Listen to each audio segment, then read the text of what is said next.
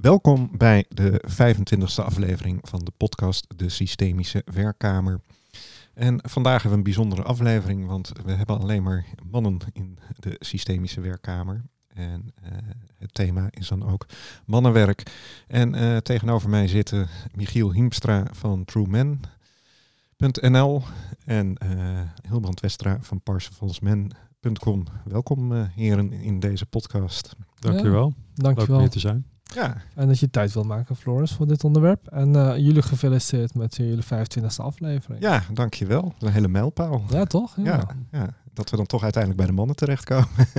ja, ik heb begrepen van een andere podcastmaker dat de meesten houden ongeveer op naar hun tiende of zo. Ja? Dus dat, dat dan zeg maar uh, dus, de motivatie weg is of dat mensen toch ontdekken, ja, het loopt niet lekker. Of de, dus jullie hebben eigenlijk de, de tiende mijlpaal gehaald. Dus, ja, uh, ja, ja, ja, we zijn er tweeënhalf keer overheen. Zo.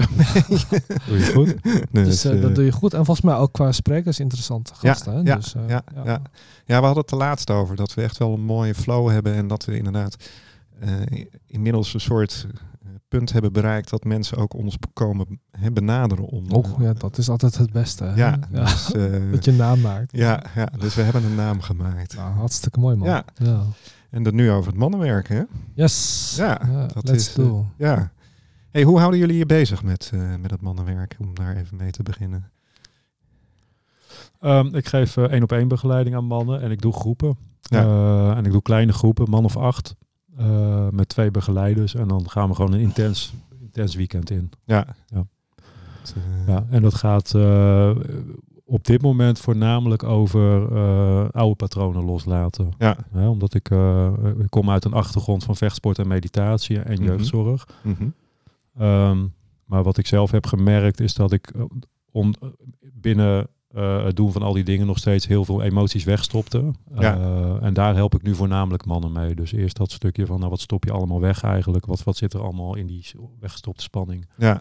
En daar ruimte voor creëren. En dan daarna kijken van oké, okay, hoe wil je het dan wel? Ja. als je het zou doen zoals je het zelf zou willen. Ja, dus dat is... Uh... En jij Hilbrand, jij... Uh... Ja, dat, maakt eigenlijk een vast onderdeel uit van mijn uh, weekagenda. Hè? Dus Ja. ik begeleid, begeleid mannen één op één. Mhm. Meestal begint het in mijn geval vaak bij vragen rondom leiderschap. Ja. Dus dat uh, heeft vaak een organisatorische achtergrond. Mhm. Maar we zitten heel vaak al heel snel op het interpersoonlijke onderdeel. En, en, daarnaast geef ik lezingen of introducties op het gebied van uh, het belang van mannenwerk in het algemeen voor de samenleving. En, Ja. uh, ik stond gisteravond bijvoorbeeld als ter illustratie voor een groep van uh, wijkwerkers, gemeentewerkers, jeugdwerkers, et cetera. En docenten ook voor gemeente Mhm. Amsterdam. En toen heb ik het specifiek gehad over vaders en zonen. Dus uh, ja, dat speelt een rol. En één keer per jaar, zoals jij zelf ook weet, je hebt daar meegedaan, uh, Ja. heb ik de vierdaagse mantraining van PrasVosman.com. En de, ja, de terugkeer daarvan, dus met andere woorden, we hebben ook de herhaalde oproep voor mensen die nog meer willen. Dus in principe zou je zeven dagen met parsvastmens.com kunnen optrekken in het jaar. Ja. Maar ik merk dat er zoveel vraag naar is, omdat de programma's zitten vaak veel uh, vol hè, met de deelnemers. Mhm. En ik wil het zeg, niet zeg maar een soort automatisch product maken, omdat ik zelf kwalitatief bij wil blijven. Dus ik wil het eigenlijk niet vaker aanbieden. Maar ik wil wel kijken wat er meer mogelijk is. En toen kwam ik Michiel uh, onderweg tegen. En dacht Ja. nou ja, misschien moeten Michiel en ik wat vaak met elkaar optrekken, omdat er gewoon meer te doen is, maar niet iedereen elkaar goed kan vinden. En dat was de aanleiding om met z'n tweeën te kijken, wat kunnen we nog meer dan alleen onze eigen activiteiten. Ja, ja. Dus Ja. dat is... eh, Ja, want het is wel een, een, een trend, zou je kunnen zeggen. Ik bedoel, het is wel de landelijk schieten de mannen trainingen en coaches eh, als paddenstoelen uit de grond. Uh, maar het is ongeorganiseerd. Ja. En uh, ja, er is heel veel. En je kan natuurlijk op heel veel gebieden kun je mensen coachen en begeleiden. Dus uh, ja, dat is... Ja. eh, het is ook goed om dat in kaart te brengen, denk ik. Ja. Waar, waar denken jullie dat die behoefte ineens zo vandaan komt? Want dat is mij ook al opgevallen. En ik merkte bij Mhm. mezelf ook wel iets van, ja, hoe heet het, eh, behoefte om wat meer met de mannen eh, op te trekken dan... eh, Ja. Ik, Nou, ik heb... ja. Nou ja, er zijn een aantal uh, aanleidingen voor te geven. Dus uh, zeg maar de, de tweede, derde generatie golf feministen vanaf de jaren 60. We zitten Mhm. eigenlijk volgens mij nu al de 3,3 uh, golf, of misschien de vierde. ja, heeft geleid tot een dominante beweging van vrouwenrechten in de samenleving. Maar ook de mhm. claim van veel vrouwen over het feit dat zij primair gesteld moeten worden in kader van maatschappelijke vraagstukken. ja. Nou, daar is natuurlijk iets voor te zeggen. Dus ik ben er ook niet op tegen. Maar het heeft zo'n dominante beweging opgeleverd dat het lijkt alsof het niet meer over mannen mag gaan. En nu zie je, denk ik, vanuit de samenleving, maar ook vanuit de mannen zelf. Wacht even, als je het over ons hebt, dan willen we zelf daar zelf eh, Ook aan deelnemen. Ja. En niet dat Ja. jullie over ons praten, maar ja, ga dan maar met ons in gesprek. En dat gesprek, dat levert tot nu toe best wel hele moeilijke en pijnlijke ervaringen op van beide kanten. Ja. En, en daar zijn een aantal mannen op ingesprongen. Allereerst om met mannen onderling samen te werken. Mhm. Om uiteindelijk wellicht een bijdrage te kunnen leveren aan een open dialoog met het andere geslacht. Ja. Ja, ik merk ook dat er, dat er veel vrouwen zijn die mannen doorverwijzen. Dus dat er ook veel Ja. vrouwen zijn die juist merken aan hun man. Ja, eh, vrouwen zijn best wel, eh, die lopen best wel voorop Mhm. eh, op dit gebied van persoonlijke ontwikkeling en, en eh, bewustwording. Eh, en waar mannen nog vaak, tenminste mijn klanten, vaak nog in het domein zitten van de maatschappelijke successen. Ja. Ehm, en dan op een gegeven moment lopen ze vast. En die vrouwen die merken wel, ja, er is van alles aan de hand. En soms begrijpen ze ook nog heel goed wat er aan de hand is. Vaak zijn ze bekend met familieopstellingen of hebben een Mhm. coachesopleiding gedaan.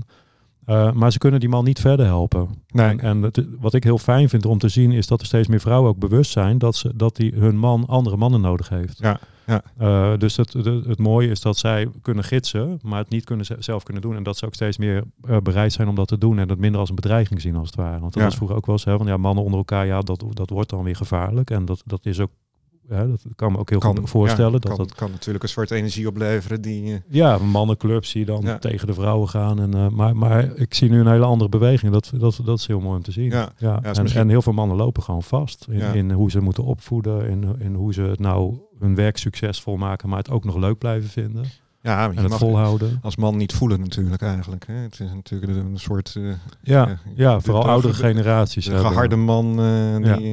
ja. Ja, ja en, En en, er is ook een. eh, ik zie wel bij jongere klanten is soms juist de tegenbeweging weer waar. Dus eh, ook wel mensen, mannen die juist eh, heel veel goed voelen. kunnen voelen en te Ja. veel kunnen voelen, maar die kunnen dan zichzelf niet meer bij elkaar rapen en richting geven. Ja. En bij de wat oudere mannen zie ik, zie ik gemiddeld vaker dat die inderdaad, ja, die hebben verdriet weggestopt, want dat is niet stoer. En, en boos worden is schadelijk, dus dat doe je dan Mhm. ook niet echt. En even, even terug te wat jij zegt over de jonge mannen die eigenlijk geen richting meer kunnen geven aan hun leven. Mhm. Dus, eh, eh, geen keuzes kunnen maken waarschijnlijk, de uitzicht daarin. Eh, Ja. Heb je idee waar dat vandaan komt? Of, je, of jullie een, dat dat, eh, hè, hoe Ja, komt het dat- dat, eh, dat sociologisch is dat best wel eh, duidelijk te maken. Hè? Want eh, eh, zeg maar na de, na de jaren 60, toen die anticonceptie eh, zeg maar geïntroduceerd werd, ja, eh, had dat natuurlijk een gigantische impact op de vrije keuze van seksualiteit. Ja. En ook over het onderwerp gezinsvorming. En hoe ook met name vrouwen een ander beeld eh, gingen schetsen voor zichzelf. mhm. Om dat gecontroleerd te krijgen. Dus dat betekent dat ze eh, letterlijk aan gezinsvorming deden. Niet dat ze een gezin kregen omdat ze plotseling zwanger waren. Maar ja. Dat ze konden bedenken hoe ze de structuur zouden willen uitrollen in Mhm. de loop van hun leven. En dat betekent dat er een andere beweging op gang gekomen is in de samenleving. Van ja, niet gezin eh, ontstaan plotseling omdat iemand zwanger is. Maar dat je zeg maar dat op een bepaald moment, op een bepaalde manier, zeg maar, dat gaat inrichten zodat Ja. het georganiseerd wordt. Hè? Dus de organisatiegraad van gezinsvorming is heel hoog geworden binnen Mhm. vooral in het moderne Westen, laat ik het dan even daar houden. Maar dat heeft natuurlijk ook gevolgen over het, over het feit, eh, en die vraag is denk ik heel belangrijk, of de kwaliteit van beide partners zeg maar, daarmee ook eh, klaarstaan om dat gezin kwalitatief vorm te geven op Ja. inhoudsgronden. Ja. Nou, dat blijkt dus helemaal niet zo waar te zijn. Want je kunt dat wel misschien eh, na je dertigste en een, een goede start van je carrière gaan plannen. Maar wat we vaak zien is dat vrouwen dan denken, ja, ik heb wel een man en een kind. En dat kind heb ik heel graag gewild. Maar ik weet eigenlijk helemaal niet hoe ik ouder moet zijn. Nee. En dan bedenk je, ja, maar ik wil graag als moeder wel optreden, maar die man naast mij, van wie ik heel veel hield of hou, ja, daar heb ik nooit over nagedacht of dat wel een goede vader zou kunnen zijn. Nee. Nou, en dat is wel toch belangrijk als je een gezin wilt vormen met elkaar. Ja, ja. en daar begint zeg maar al de eerste wankeling binnen het systeem. Ja. Ja. En, en hoe zou je dan een goede vader kunnen worden als man zijnde? Heb je daar wat... wat... Nou, alles wat ik altijd zeg, en ik, ik hoop dat Michiel me daar even op aanvult, hè, als ik dingen mis, Michiel ook. Mhm. Dus eh, wat ik heb ontdekt, en dat is niet alleen omdat ik dat zelf ervaren heb, maar dat wordt door de literatuur en onderzoek ook ondersteund. Dat als mannen kwalitatief bij zichzelf kunnen blijven, dus bijvoorbeeld eh, ethisch zichzelf kunnen handhaven, Ja. maatschappelijk positioneel, eh, wat wij ook wel eens in ons werk stand your ground noemen, Ja. ervoor kunnen gaan staan wat van hun belangrijk is. Dat is dat ze ruggengraat houden, zeg maar. Mhm. En, en daarmee ook in verbinding blijven met zichzelf, maar ook vooral met de samenleving en hun vrouw en hun kinderen, is dat dat mannen zijn die een eh, kwalitatieve rol kunnen voorleven aan Mhm. hun kinderen. Ja. Ja. ja, wat ik zelf merk is inderdaad dat eh, voor mezelf heel prettig is eh, de belichaming. Hè, dat Ja. je echt je lichaam goed voelt. Eh, Ik ben, ben weer eens, er was even de klad ingekomen, maar weer eh, aan het crossfitten, Mhm. hardlopen en ook yoga eh, Mhm. eh, doen. Dus eh, drie keer per week eh, ben ik wel bezig. Wauw. intensief hoor. goed.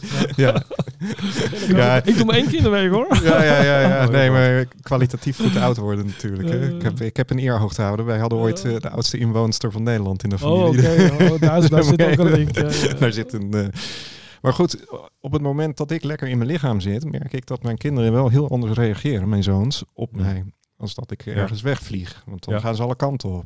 Dus ze hebben een soort haak nodig. Of, en, en als vader denk ik dan, ja. En, eh, Ja.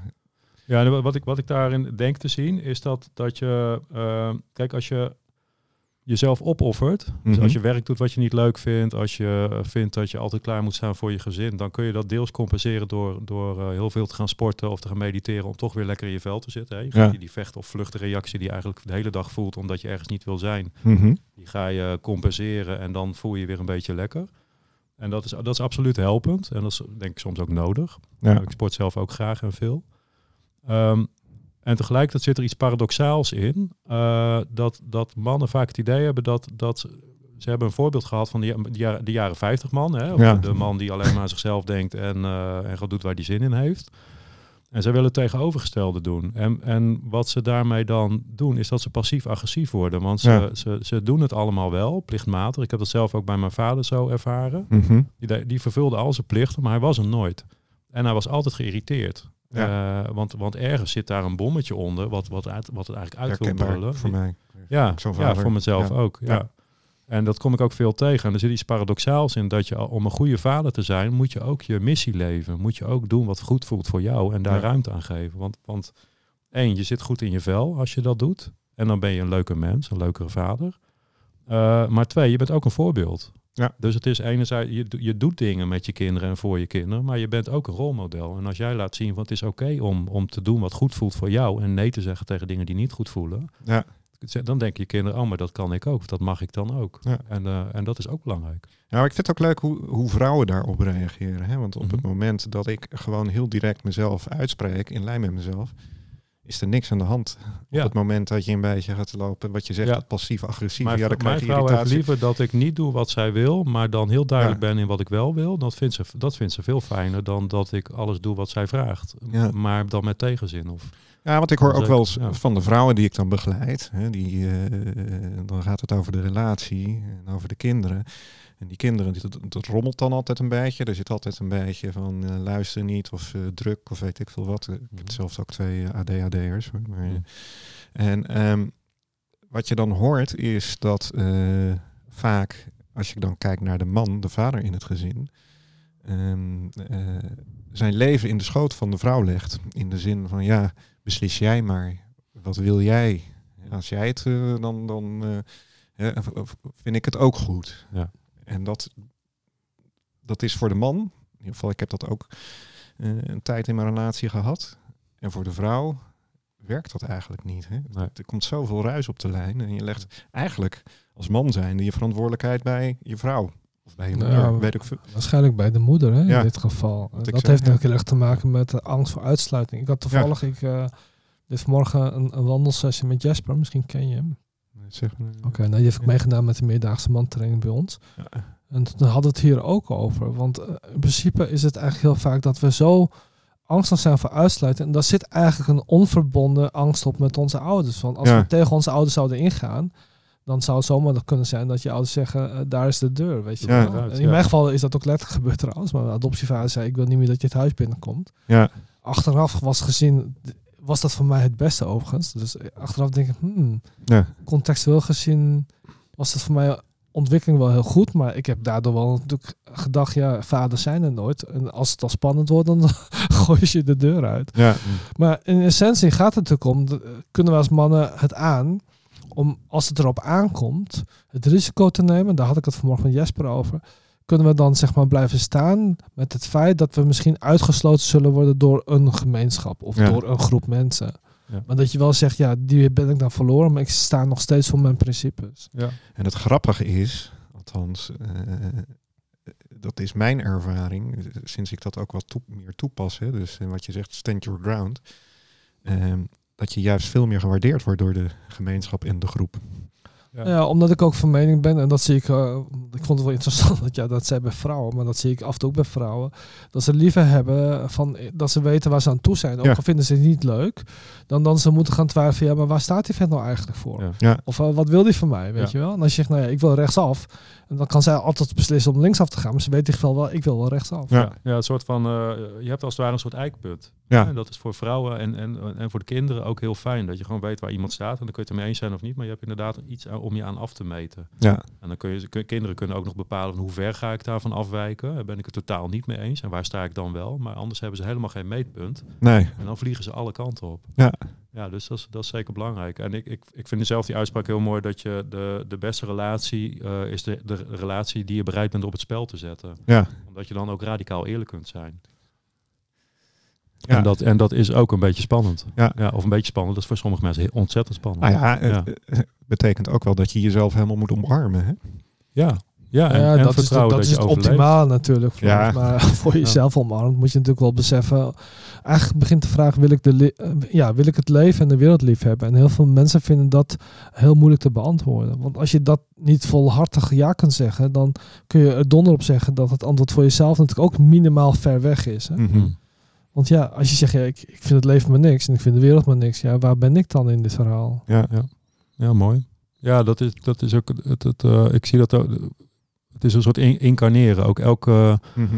elk stukje pijn, alles wat je meemaakt, volledig omarmen. ja, Ja. Ja. En, daar, en daar hoort ook alle pijn bij en ook alle eh, de angst. Hè? En ook de patronen die je vroeger hebt, hebt ingesleten gekregen. Hè? Want eh, als je boos werd, dan eh, ja, je vader was er al niet, je moeder was laat ik over mezelf praten. Mijn moeder was teleurgesteld, die draaide zich van me af. ja, Dus ik dacht, oh, ik ga dood als ik een woedeaanval krijg. Ja. Hè? Want dan blijf ik alleen achter. En als kind, dan denk je, ja, dan, dan overleef ik het niet. Ja. Dus woede, is, is, daar zit een doodsangst op. En dat zie ik ook in de trainingen die, die ik dan geef. Ehm, dat soms is het niet eens zo. Is de, de, de, de, eh, de meest aanwezige emotie is niet per se boosheid of verdriet, maar de angst die op die emoties zit. ja. Die angst is, zo, is soms zo enorm. ja.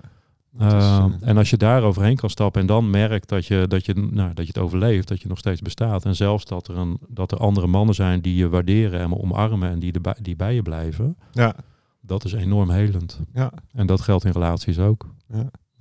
Dat is natuurlijk ook een beetje de Nederlandse maatschappij. Hè? Er moet allemaal gepolderd worden. En als er ruzie ontstaat, dan eh Ja, liefde vrede bewaren. Ja, Ja. zeker. Ja. je. En dan krijg je van die, van die halfzachte oplossingen. Ja. Die tot een hoop geëtter leiden. Ja, ja, ik vind dat heerlijk van die, van die eh, mediterrane Ja, mensen die gewoon lekker ruzie denken. kunnen maken. En, toch, en, maar dan ook in een soort van vertrouwen van, maar ja, we zijn familie, dus we blijven Ja. toch bij elkaar. Hè? Dus Ja. er is geen, ik herinner me mijn eerste ruzie met mijn zus.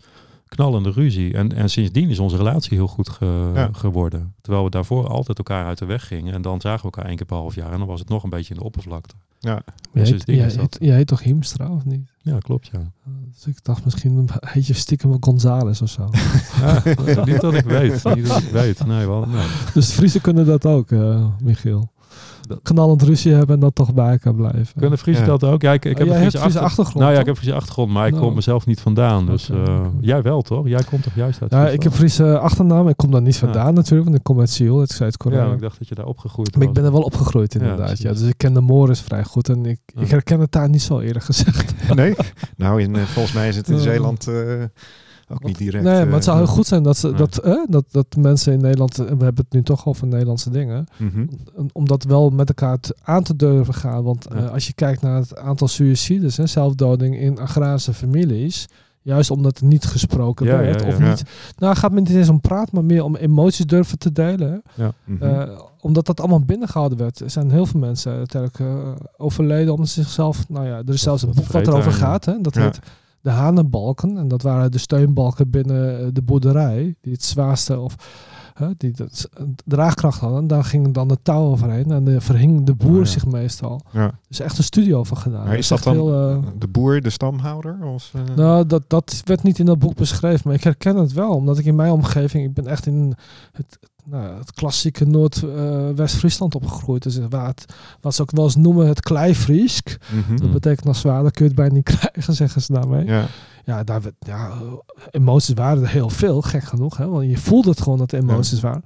Maar er werd nooit iets over gezegd. Ja. ja, dat is bij mij in de familie ook wel zo. Dus ik herinner me ook de, dat mijn, mijn oma bijna was overleden. En mijn, mijn vader en mijn opa gaven elkaar toen heel zakelijk een hand. Ja. Eh, we gingen langs en bij het afscheid was het gewoon een, eh, alsof ze een zakelijke relatie eh, gedacht Ja. zeiden. Ja. dat vond ik heel vreemd. Maar Ja. Nou, ik heb Was mijn vader, mijn vader niet zien huilen toen mijn opa overleed. nee, nee, ik heb mijn vader Ja, nooit dat, zien dat huilen. Is, dat Nee. is, eh, Nee. nee.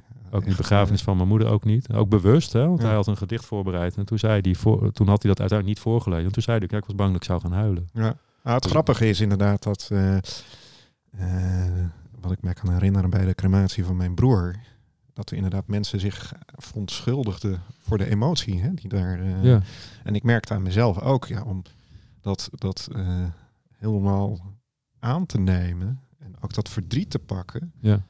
Je leert dat dat in Nederland zo overweldigend is, en zeker als man zijnde. hè. Ja. Ik heb, ik heb tranen met tuiters gaan huilen op de begrafenis van mijn vader. En, Mhm. eh, en, en dat voelde ook als een van mijn grootste overwinningen in mijn Ja. leven. En ik heb dat ook benoemd. Ik heb, ik mijn, mijn- de broer van mijn vader stond, die was er ook...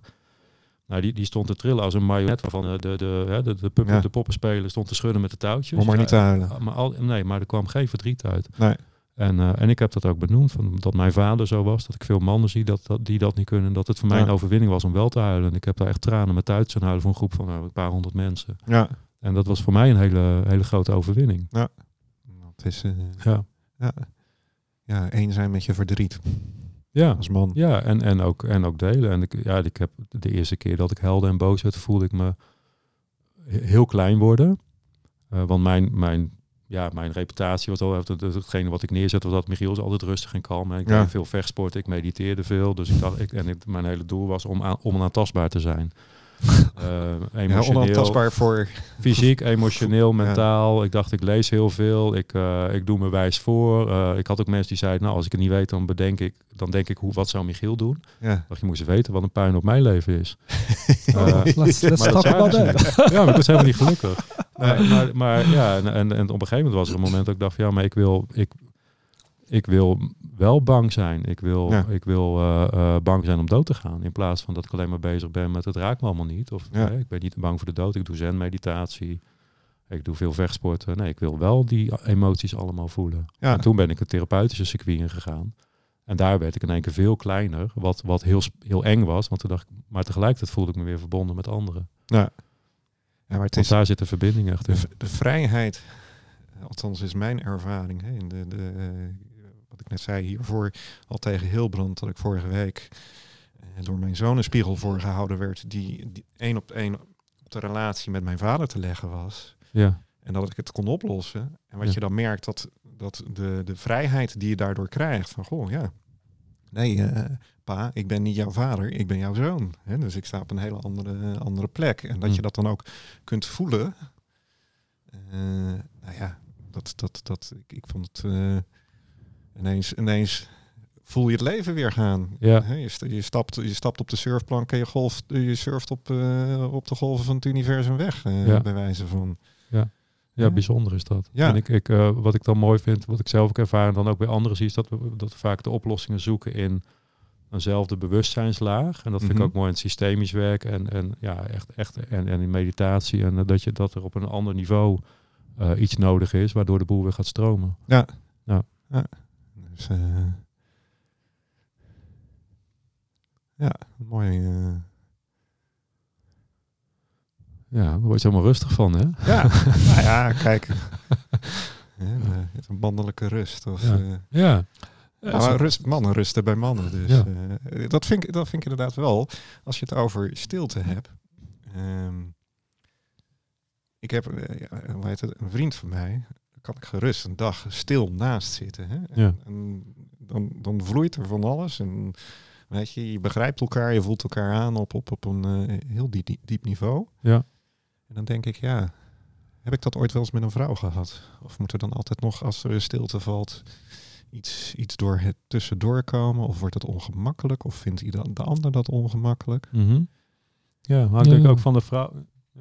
Ja, het is net wat Michiel eigenlijk probeerde volgens mij Ja. te zeggen. Het hangt van de vrouw en van de man af natuurlijk. Ja. Ik, ik ken dat soort momenten wel. Ik heb een hele goede, al een heel lange hartvriendin van mij. Waar ik echt Mhm. wel ja, veel mee heb gedeeld. We kennen elkaar vanaf onze puberteit van jaren Ja. 14, 15. Dat is best wel lang. Dat, die, wij konden soms wel samen zitten en voor ons uitstaren zonder zeg maar het gevoel te hebben dat we niet met elkaar verbonden waren. Dus we waren in die stilte erg met elkaar Ja. Ik vind dat ook een groot gemis. Het, het, het, eh, hè, het, het idee van de gez- het gezin als hoeksteen van de samenleving. Mhm. Ja. eh, dat het eigenlijk heel beperkt is. Ja. Want op, op het moment dat je je vrouw dan wegvalt, of je vindt, voelt even geen verbinding, dan ben je alleen. Ja.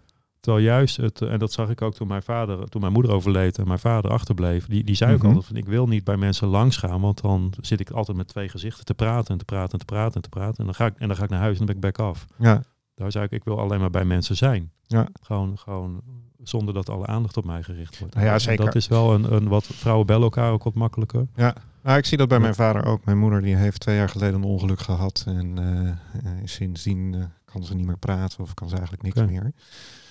Dus die zit in een rolstoel in een verzorgingstehuis een beetje voor zich uit. eh, in ieder geval, Ja. dat is mijn beleving. Ja. Ja. en mijn vader die is heel sterk aan het vereenzamen. Want ja, komt ook niet heel uit, uit een heel sociaal gezin vroeger. En, Ja. En dan merk je toch dat, dat, dat, dat ja, die generatie mannen het best lastig heeft. Als, Ja. je, als je ouder wordt en je sociale netwerk wegvalt. En, eh, Ja, ja en het is vaak dan, eh, dan eh, tenminste zoals ik het heb ervaren, is het toch vaak dat mannen iets met elkaar moeten doen. Ja. Hè, dus als je dan op een gegeven moment had ik vrienden die kregen allemaal kinderen. En Mhm. nou, dan was het van ja, heb je zin om een biertje te drinken? Nee, nee, ik blijf lekker thuis. En, maar je moest wel een biertje gaan drinken om contact te maken met iemand. Ja. Of eh, hè, mijn vader zat bij een motorclub. Ik doe, nu, ik, ik doe Braziliaanse jitsu nu. ja, Dat is best een intense sport. En, eh, maar ja, het is ook mijn sociale leven. Op het moment dat ik geen jiu-jitsu meer doe, Ja. verlies ik een deel van mijn sociale leven. Ja. Maar gewoon mannen om gewoon bij te zijn. Ja. Hè, of dat ik de kinderen op bed leg en naar buiten loop en rond het kampvuur ga zitten bij, bij een aantal vertrouwde gezichten. Dat is er niet. Nee, dat is inderdaad ook. Ik had vroeger mijn band. En het was eh, zes mannen. En wij hadden als regel, er komt geen vrouw bij. Hm. Hè, en geen zangeressen, want dat geeft gesodemieter. Ja. ja, mannen gaan anders doen als er een vrouw bij komt. Ja, ja, het is ook verrijkend, maar het, is ja. ook, eh, het heeft invloed. Ja. Ja. Dus, Maar ik voel wel die, ik heb heel lang in de mannengroep gezeten en nu, ja, toen ben ik eruit gestapt omdat we niet heel doelgericht waren. eh, mhm. En ik merkte dat we steeds dezelfde verhalen eigenlijk aan het delen waren. Ik zelf ook. ja. Alleen niemand kon door mijn bullshit heen prikken. En, eh, maar ik voel ook wel een behoefte om daar om meer community-achtige dingen te doen. Om Ja. echt samen te zijn. Gewoon Nou ja, ik, ik denk, denk ook wel als je kijkt, hè, van, eh, heb ik wel eens gehoord dat de mens gemaakt is om in samen te leven in communities van maximaal 150 mensen. Ja. Hè? Dus dat je, kijk, in zo'n gemeenschap van 150 man kent iedereen iedereen Ja. en weet iedereen wat je aan elkaar hebt. Klopt. Ja, de, de En- Gore-Tex heeft zijn hele bedrijf zo ingericht, heb ik begrepen. Sorry, wie? Gore-Tex, dat hele bedrijf Oh, is van ingericht die, van eh, alleen maar units van maximaal ja. zoveel mensen, zodat iedereen elkaar kent. Ja, eh, hoe heet het? Eh Eckhart Winsen was dat geloof ik, of iets dergelijks. Een- Je had ook zo'n eh, niet. softwareontwikkelaar, die eh, werkte dan met cellen. Die had dan in Ja, precies, ja. afdelingen van, Ja, dat eh, idee. van maximaal 30 man of zo, of 45 man. En, eh, Die zelfstandig, en die, die eh, zelfstandig opereren, functioneerden. Ja, Ja, ja, ja, dat is een beetje hetzelfde idee eigenlijk. Ja. Dus, eh, hey, ik eh, hoor jou net zeggen van, eh, het mocht wat doelgerichter. Hebben mannen een doel nodig? Ja. Ja. Het antwoord is heel helder. Ja. En dat zien we gewoon als mannen geen opdracht krijgen, is het niet vanuit hun eigen innerlijke opdracht, dan wel zeg maar van buiten door een gezin of door vrienden Mhm. of eh, werkgevers, is dat ze de neiging hebben om passief te worden. Ja. Dat is heel intrigerend, vind ik. Want wat betekent dat dan? Dat we eh, vanuit onszelf intrinsiek, zeg maar, eh, eigenlijk liever niet in actie willen komen. En ik heb heel lang gedacht, nou, misschien is dat wel zo, misschien zijn we wel heel lui. Maar dat antwoord is niet eh, kloppend, blijkt achteraf. Want Nee. waar het om gaat is dat het gaat om dat mannen zijn op hun best als er een beweging is wat betekenis heeft. Ja.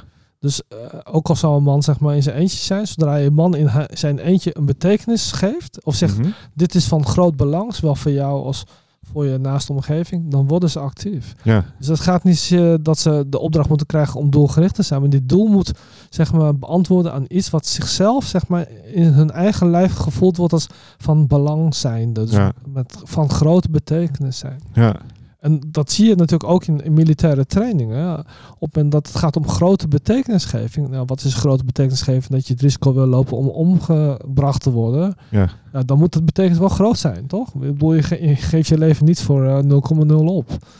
Nee, het is... eh, Dus en dat vind ik zo intrigerend. Dus als een man zeg maar eh, voelt, ervaart in, in, als zijn botten en in zijn lijf dat iets van grote betekenis is, dat mannen bereid zijn zichzelf op te offeren. ja, Ja, dat is zo interessant. ja. Ja, als het maar groot genoeg is. eh, Ja, dus als vrouwen zeggen, ja, mannen die eh, zijn niet van belang, dan denk ik, ja, volgens mij heb je niet heel goed begrepen hoe mannen in elkaar zitten. nee, nee. Dat Kijk, is, ja, ik- misschien in het zin van de voortplanting. Je hebt één man, kun je meerdere vrouwen natuurlijk bevruchten. ja, dus, En eh, dan, eh, eh, er is een beweging in Amerika die, en ik, ik zie het nu ook overwijd in Europa, want ik zie de geluiden in Nederland zelfs letterlijk eh, op social media verschijnen. Eh, de tijd, de tijd van mannen is voorbij. Eh, mannen zijn eigenlijk desolaat, hè? Met, ze Ja. zijn niet meer nodig. Ja, ik Ja. heb dat een, inderdaad een eh, hoofd, eh, hoofd van de afdeling psychologie van de Universiteit in Utrecht. Die zei dat een tijdje geleden in een interview ook. Hoofd, afdeling ja, dat was een dame die, die zei, daar Ja. werd aan gevraagd, een beetje gekscherend, maar er werd gevraagd, dus mannen zijn eigenlijk overbodig. Toen zei ze ja. Eigenlijk wel, met een, met een knipoog. Maar, maar Ja, de, het boot, is wel de, boot, de inherente boot. Kijk, eh, als je een verantwoordelijkheid hebt naar eh, een grote groep mensen die ook mannen en jongens gaan begeleiden. Ja, En moeders. Ja, is, is geen, niet een, een hele verstandige boodschap, denk ik. nee, nee. Dus, Nee, het is... en ik denk, we zijn allebei van belang. We vullen elkaar aan. Ja. ik denk dat we, dat. Dat we samen onverslaanbaar zijn, om het zo eens te zeggen. Ja. hè. Dat het Ja, en daar, daar, ik denk dat dat eh, iets is wat heel veel machthebbers eh, doorhebben. En dat ze daarom juist proberen het onderwerp van eh, de zin, of een gezin als hoeksteen van de samenleving, die ik wel heel belangrijk vind overigens.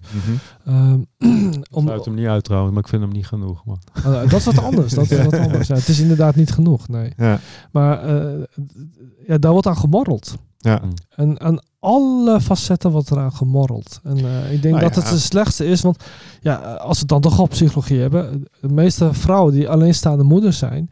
Die zijn hoog gestrest. Als Ja. je kijkt naar hun hormoonniveau. Als je kijkt naar hun sociale activiteit. Hun emotionele balans. Ja, je kunt mij niet wijsmaken dat dat is de wereld is die heel veel vrouwen zichzelf moeten willen toewensen. Nee. Ja. nee, ik denk het ook inderdaad. Dat, eh, ja, het lastige is natuurlijk, weet het, het zit voor mij ook heel eh, sterk in die belichaming. Ik denk inderdaad dat, wat jij net zei, hè, dat een man een doel moet voelen. Ja. Hij moet het echt Hij moet niet eh, weten, hij moet het ook voelen. Hij moet het ook voelen van eh, hier ga ik voor. Hè? Ja, en als je dan de trend ziet van allemaal gamende mannen die eigenlijk eh, ja, wel eh, oorlogje zitten te voeren, maar Niet in het echt. niet in Ja. het echt. Ja. En daardoor wellicht ook grenzeloos worden hè, in die richting van geweld. Dat je ze worden ook niet uitgenodigd om uit de stoel te gaan komen om te zeggen, luister, als je dit belangrijk vindt, interessant, Ja. ga het maar in het echt doen. Ja, Nou, is het niet zo dat het ook in het echt juist weer eh, eh, om wordt gevormd in een computerspelletje? Hè? Mannen die drones besturen en Ja. echt betrokken zijn bij de slachtoffers die ze maken. En, eh, dat is natuurlijk ook ander. Ik heb begrepen dat, was dat Rutger Brechtman, die schreef dat volgens mij, de meeste mensen deugen. ja, Eh, dat dat eh, eh, blijkt dat in heel veel oorlogen mensen expres misschieten omdat ze niet een ander willen doden. Nou, Nou ja, dat soort bekende voorbeeld wat, wat Rutger ook aanhaalt is natuurlijk die kerstnacht of zo, geloof ik, Ja. in de Eerste Wereldoorlog. Ja. Dat, Ja. dat de beide fronten, hè, want dat, dat denk ik dan ook. hè, jij, haalde het, incident bij de Oscar-uitreiking aan, precies na dat weekend. Mannen ze kunnen ook heel ongecompliceerd zijn. Slaan elkaar Ja. op het bek en het volgende eh, eh, kwartier zitten Ja. lekker aan de bar samen te lachen om, om wat... eh, En die, die oorlog was een radicalere versie daarvan eigenlijk. Ja. Ja, ja, klopt. ja, van jongen- En, en bewust voorkomen het jaar daarna. Hè? Bewust. Ja. ik geloof dat er straffen werden uitgedeeld voor mensen die niet gingen vechten tijdens kerstmis. Juist maar- omdat ze wisten, straks gebeurt dit weer. En straks willen ze helemaal niet meer vechten. Ja, er staat niet voor niets, denk ik, dan ook doodstraf op dis, eh, dis, Desertie, ja, Ja. ja. Ja, dus daar hebben ze toen meteen mee gedreigd. Want dat ze dachten, Ja. van, hey, we van bovenaf. Maar dat is sp- spreadsheet management ook. Hè? Dat Ja. is niet, niet betrokken bij de mensen. Men, elkaar niet in de ogen aankijken. Maar hebben wij echt belichaamde leiders? Ik denk het niet. Ja, dat is dus het grootste probleem. Maar schijnbaar eh, vindt de samenleving het oké, want we stemmen ze niet weg. Nee. Nee, schijnbaar gelooft de samenleving zelf Nou, als massa dat het een oké eh, situatie betreft. Het is dan Maar misschien hoe- de goede vraag, hebben we een belichaamde samenleving? Ja. Ik bedoel, hebben, Nou, we, hebben we voldoende momentum, voldoende mensen die belichamen en die... ik, ken, ik ken heel veel mensen die stemmen op, eh, op, op één of twee dingen die ze goed uitkomen. Ja. Gunstige hypo- hypotheekrente aftrek, iets harder rijden en maar, ge- maar geen gevoel voor. Is dit, een, is dit iemand die, die mijn, mijn hele omgeving beter gaat maken en dient en voedt? En ik ben onderdeel van die omgeving, dus het baat mij ook. Ja. Of denken ze puur in hun eigen kleine... Maar dat is vanuit je hoofd, dat is niet belichaamd. Nee, Stemmen. nee, ik denk dat, ja, ik denk eh, belichaamd ergens voor kiezen. Ja, moet je ook weten wat belichaamd is als je kijkt. Ja, dan Maar moet het- goed voelen eigenlijk. In, eh, toen mijn jongste in groep 3 zat, mocht er niet gevoetbald worden. Ja. Ja, stel je voor. Nou, er zijn ook de ouders hè, die klagen dan, oh ja, kapotte knie gevallen. Ja, dan denk ik, Ja. jeetje joh, dat hield allemaal weer. ja, ja. Ga je op je plaat en voel je ook... eh, Ik stond in de jeugdzorg op de parkeerplaats van de therapeuten te stoeien. Ik werkte eh, mijn laatste vaste baan was met jongens van 14 tot 18. Een hoog, eh? Mhm. hoog spectrum autistisch, hoog intelligent autistisch. Nou, en als ik met die jongens ging stoeien, dan had ik eigenlijk de hele dag geen, geen, geen kind aan. Of, er waren wel dingetjes, maar dan werd het niet heel heftig. Ehm, en ik ging voetballen op de parkeerplaats van de, van de therapeuten en de ouders die langskwamen. En, eh, omdat er geen plek was om het, om het te doen. Ja, Maar ik, zo, ik ging wel met ze sporten daar. En ondertussen schouderduwtjes en een beetje beuken. Maar er, wa- er was, nou, het feit dat het op de parkeerplaats moet, liet al zien dat er niet echt serieuze aandacht voor was. nee. Toen ik voorstelde om dagelijks te gaan bewegen met ze en stoeien en sporten, werd ik uitgelachen. Ja. Toen zeiden ze, zie je ons dat al doen? Ik denk, nee, jullie niet, maar die jongens hebben het wel nodig. Ja. ja, ik ben ook opgevoed. eh, mijn vader, ja, sporten is voor de domme. Oh ja? Ja, die, Ja. die zat heel erg in zijn hoofd. Het tegendeel is waar, hè? Want Ja. het sporten stimuleert juist je... Ja, ja, nee, maar weet je, ik roeide wel in mezelf veel. En Ja. zeker met dat zeilen zat ik in mijn eentje in de optimist. En dan ga je echt wel de omgeving voelen en eh, Ja. de, de Ah. invloed van... eh, Zeker is van op de mis kun je ze omluisteren. dus eh, dus via een omweg, of via een omweg, dat was vrij direct, deden we dat wel. Maar echt, echt dat, ik, dat is inderdaad een van de redenen waarom ik ja, graag bij jou in die, eh, die opleiding stap. Is, vroeger wilde ik inderdaad ook op judo. Hè? Dat je, Hm. ja, nee, maar judo, dat, eh, dat doe je niet. Ja. En nu, nu doe je crossfit, zei je toch? Ja, Ja. Wat vind je daar leuk aan? nou dat je even lekker stuk gaat. Ja? Dat kun je met Brazilian Jiu-Jitsu ook doen natuurlijk. Ja, Ik heb heel veel dingen doen. Ja, maar is ook, ook, ik, ik, ook een ik proef hier een, eh, een uitnodiging wil aankomen. nee hoor, Nee, maar er zit inderdaad ook Ik die het groep. goed. Want het mooie is inderdaad, ieder. eh, het, het eerste wat je ziet als je bij ons die eh, de box, zoals dat dan zo mooi heet, Mhm. binnenkomt, is dat iedereen zijn ego thuis heeft te laten. Ja. Er wordt niet, het gaat niet om prestatie. En, eh, je helpt elkaar. En, eh, dus inderdaad, als je kijkt naar de groepsvorming, hè, Ja. zowel eh, bij mannen als bij vrouwen die daar eh, sporten. Ja. Hè, en het is, het is niet zo dat er een competitie, hè, er zit wel een wedstrijdelement kan erin zitten, maar ja. Maar ieder voor zich eigenlijk. eh, Ja, maar, maar toch wel een soort van gezamenlijk doel. Hè? Ja. De, de, de what noem je dat? De work it of the day. ja. ja dat doe die, je met Om die samen compleet te maken en eh, Ja. elkaar daar doorheen te slepen. Ja, dan ben ik wat ouder, dus wat later begonnen. Ja, nou, Dus ik doe niet alles eh, ja. hè, Ja. wat die kerels van, eh, van 30 eh, wegduwen en weet ik veel wat. Nee, maar, nee. maar het is gewoon, ja, weet je, in de afloop als je even alles gegeven hebt, dat, dat, Ja. dat je dan in je fysiek voelt. En de ene periode heb je daar meer behoefte aan dan de andere periode. Dan lukt het wat makkelijker om in je lijf te blijven. Maar Ja. ik Ja. vind dat wel... Ja, ik merk dat ik dat ik het voor mij ook echt met jagen te maken heeft. Alsof er een soort, ik, ik kan het echt voelen soms, dat ik dat mijn de spanning in mijn lijf, als ik dat, dat groter laat worden en ik ga Ja. het echt, echt, van, echt voelen, ja, wat wil het nou eigenlijk? Dan voel ik eigenlijk, wil ik mijn klauwen ergens inzetten en mijn tanden. Dan voel ik gewoon hier spanning in mijn kaken en mijn vingers. En, eh, en dat is eigenlijk een soort, van, ja, de tig duizend jaar oude biologie, denk ik.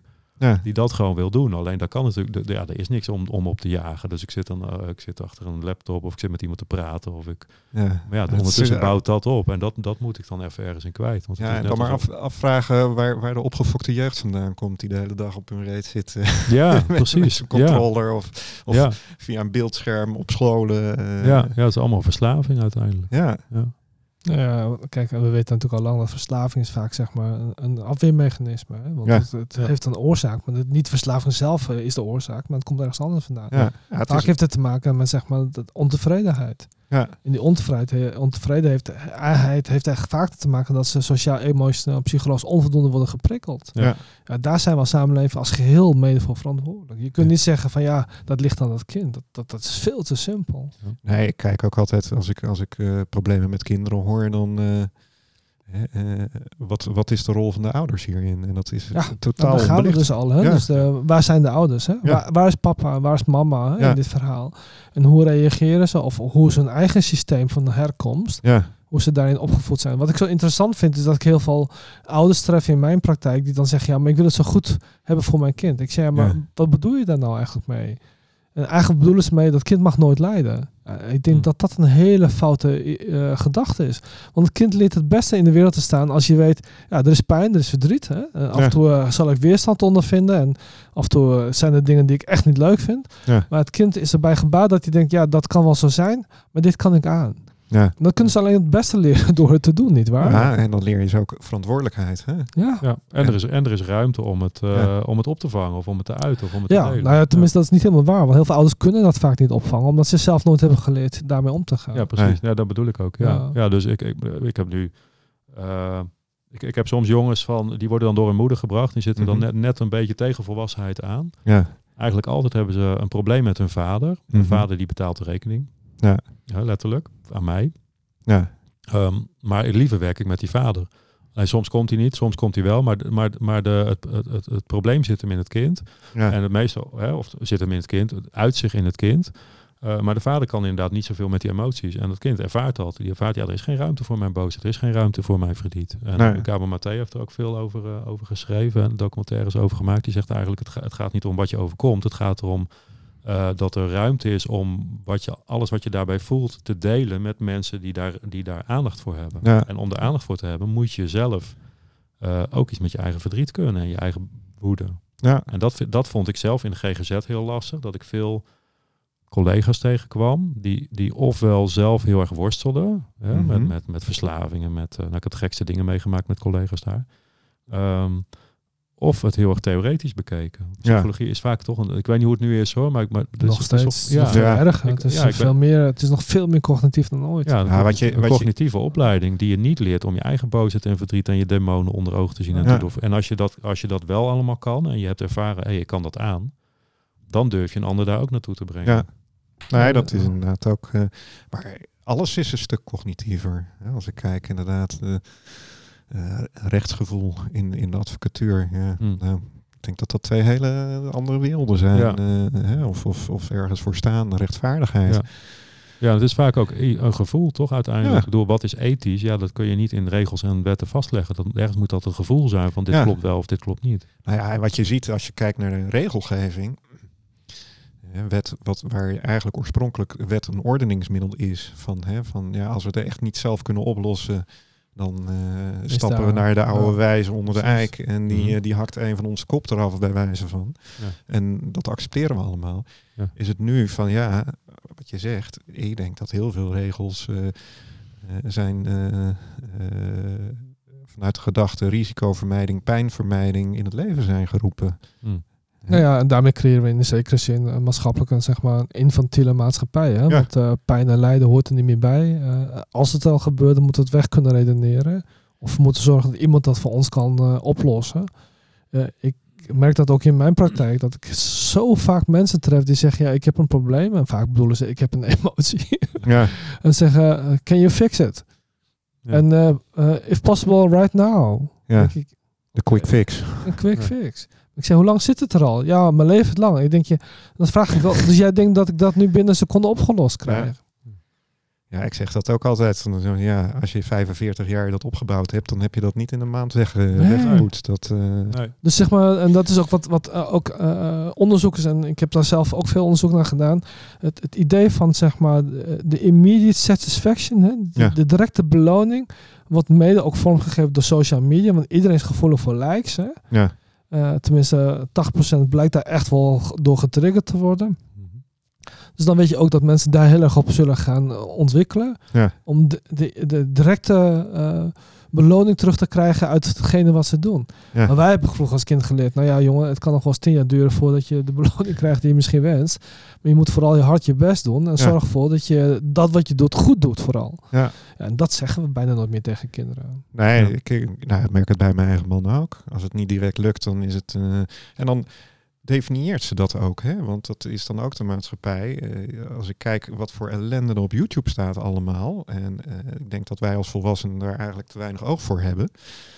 Ehm, maar dan zie ik filmpjes voorbij komen van die YouTubers die dan mensen helemaal finaal aan het afmaken zijn en voor gek aan het zetten. Die, hè, eh, die dus filmpjes aan het becommentariëren zijn.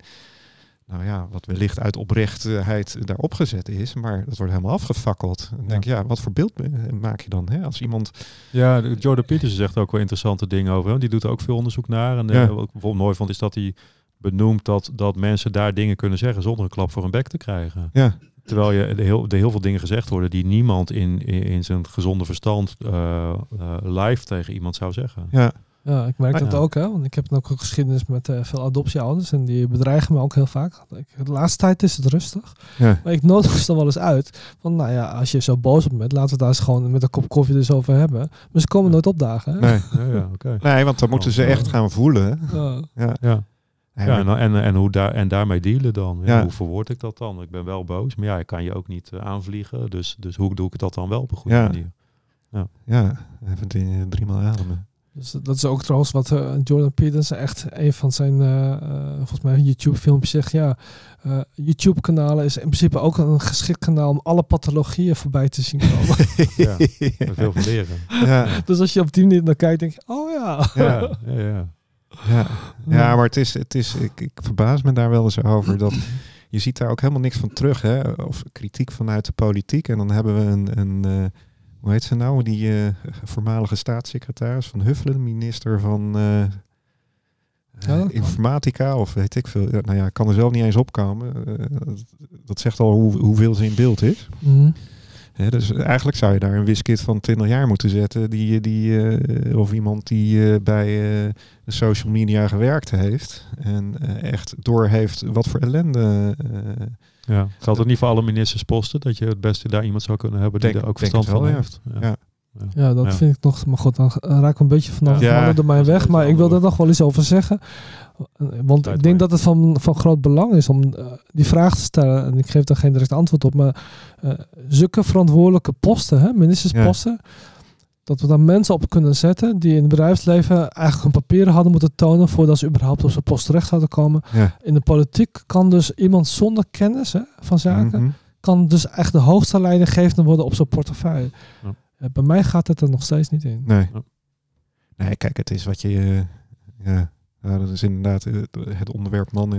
Misschien, je zou, of, je, of je zou het over onze mannelijke politieke leiders moeten hebben. Die, eh, Ja. als ze En er zijn, eigenlijk die- en de onzichtbaar mannen die zijn. erop stemmen. En, Ja. ja.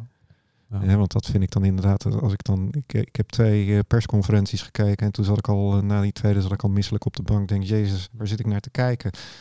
Wat, wat staat daar? Een, een beetje een showtje weg te geven, lol te Ja. maken, terwijl heel Nederland eh, op slot doet. Ja, we accepteren het wel. Want we Ja. komen nauwelijks of niet tot opstand. En aan die mensen die wel in opstand komen, daar hebben we dan weer een mening over. Ja, maar als je in opstand komt, moet je verantwoordelijkheid nemen. Hè? Ja. Ja. En terecht natuurlijk. Ja, maar niemand... Nou, er zijn mensen die dat doen, maar die noemen we dan wappies. Dan denk ik, ja, dat is ook niet helemaal terecht. Nee. hè? Dat is... eh, Want vroeger was het zo, en, en dat is echt intrigerend als je het over eh, wapenbeheer hebt en recht op wapenbezit. mhm. Vroeger was dat natuurlijk zo. Dat waren gewoon opstanden in den volk, hè, om het maar even zo te noemen. En dat heeft tot geleid dat we uiteindelijk tot een democratie gekomen zijn. Maar nu mogen we geen opstanden meer eh, creëren. Want daar is de politiek Den Haag dan weer heel angstig voor. Ja. Dus eigenlijk zeggen ze, ja luister, die geschiedenis is leuk. Ik snap nu een beetje waarom Rutte niks met geschiedenis heeft. Ook al heeft hij geschiedenis gestudeerd. Hij zegt dat ik heb niks met sociologische termen. Herinner je je dat? Ik kan me niet herinneren, maar zo. Ja, ja, ja. Ja, ik kan het als- ook niet meer herinneren. Dat als is zo sinds Ja, ja, Als er iemand niet belichaamd is, is het Ja. Rutte wel, eh eerlijk Ja. gezegd. Ik, Ja, ik, maar kijk, eh, kijk, wel wat jij zegt, ik geloof ook wel dat het een, dat het een product is van hoe wij Ja. zijn als samenleving. Ja. En eh, plus dat ik denk, ja, ik kan daar niks aan doen. Maar ik kan wel proberen zelf en zoveel mogelijk mannen mee te nemen om, ja, om, te om, hun, om zichzelf te gaan belichamen.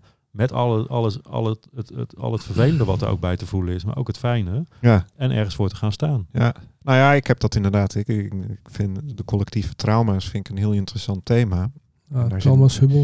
Ja. Hè? Dus, eh, en, en eh, ik denk eh, met de mensen die ik begeleid, eh, dus ik, ik, ik heb in het algemeen toch wel bijzondere systemen. En wat ik net ook al zei tegen tran- veel transcultureel mensen die echt weggerukt zijn, meegenomen, eh, verdreven zijn van de plek waar ze eh, geboren zijn of Ja. waar hun eh, voorouders eh, geboren zijn. En eh, slechts door één persoon daarin te helen, heb ik, kun je, merk ik gewoon dat dat in hun omgeving echt als een soort rimpeleffect eh, doorwerkt. Ja. Hè, Zo iemand wordt ook een ambassadeur. Als, als, als ja, iets Dat kan, kan voelen. Dat is voor mij ook wel het doel. Het, het doel Ja. is voor mij echt om, om, eh, om alle mannen te helen, zeg maar. Ja. Dus dat kan, kan ik niet. We, zijn, we, we proberen... Hè? Ik zou zeggen, dat is We een zijn met grote steeds ambitie, maar meer. laten we met meer mannen Ja, maar- proberen. maar- Maar als, zeg maar als eh, stip op de horizon, of Ja. als, eh, dat voelt voor mij wel als het grotere doel waar het echt Ja. over gaat. Van, Ja. elkaar helen. En eh, ja, je weet maar nooit. Voor, misschien coach jij straks iemand heel brand. En, eh, en die krijgt straks een belangrijke ministerspost over, post over tien Ja. jaar. Of die spreekt iemand Ja, anders. ik heb, wel, ik heb, wie- ja, wie ik heb een aantal leidinggevers die echt wel belangrijke posten bezitten in, Ja. de- in organisaties. Niet zozeer in ministeries trouwens, maar Mhm.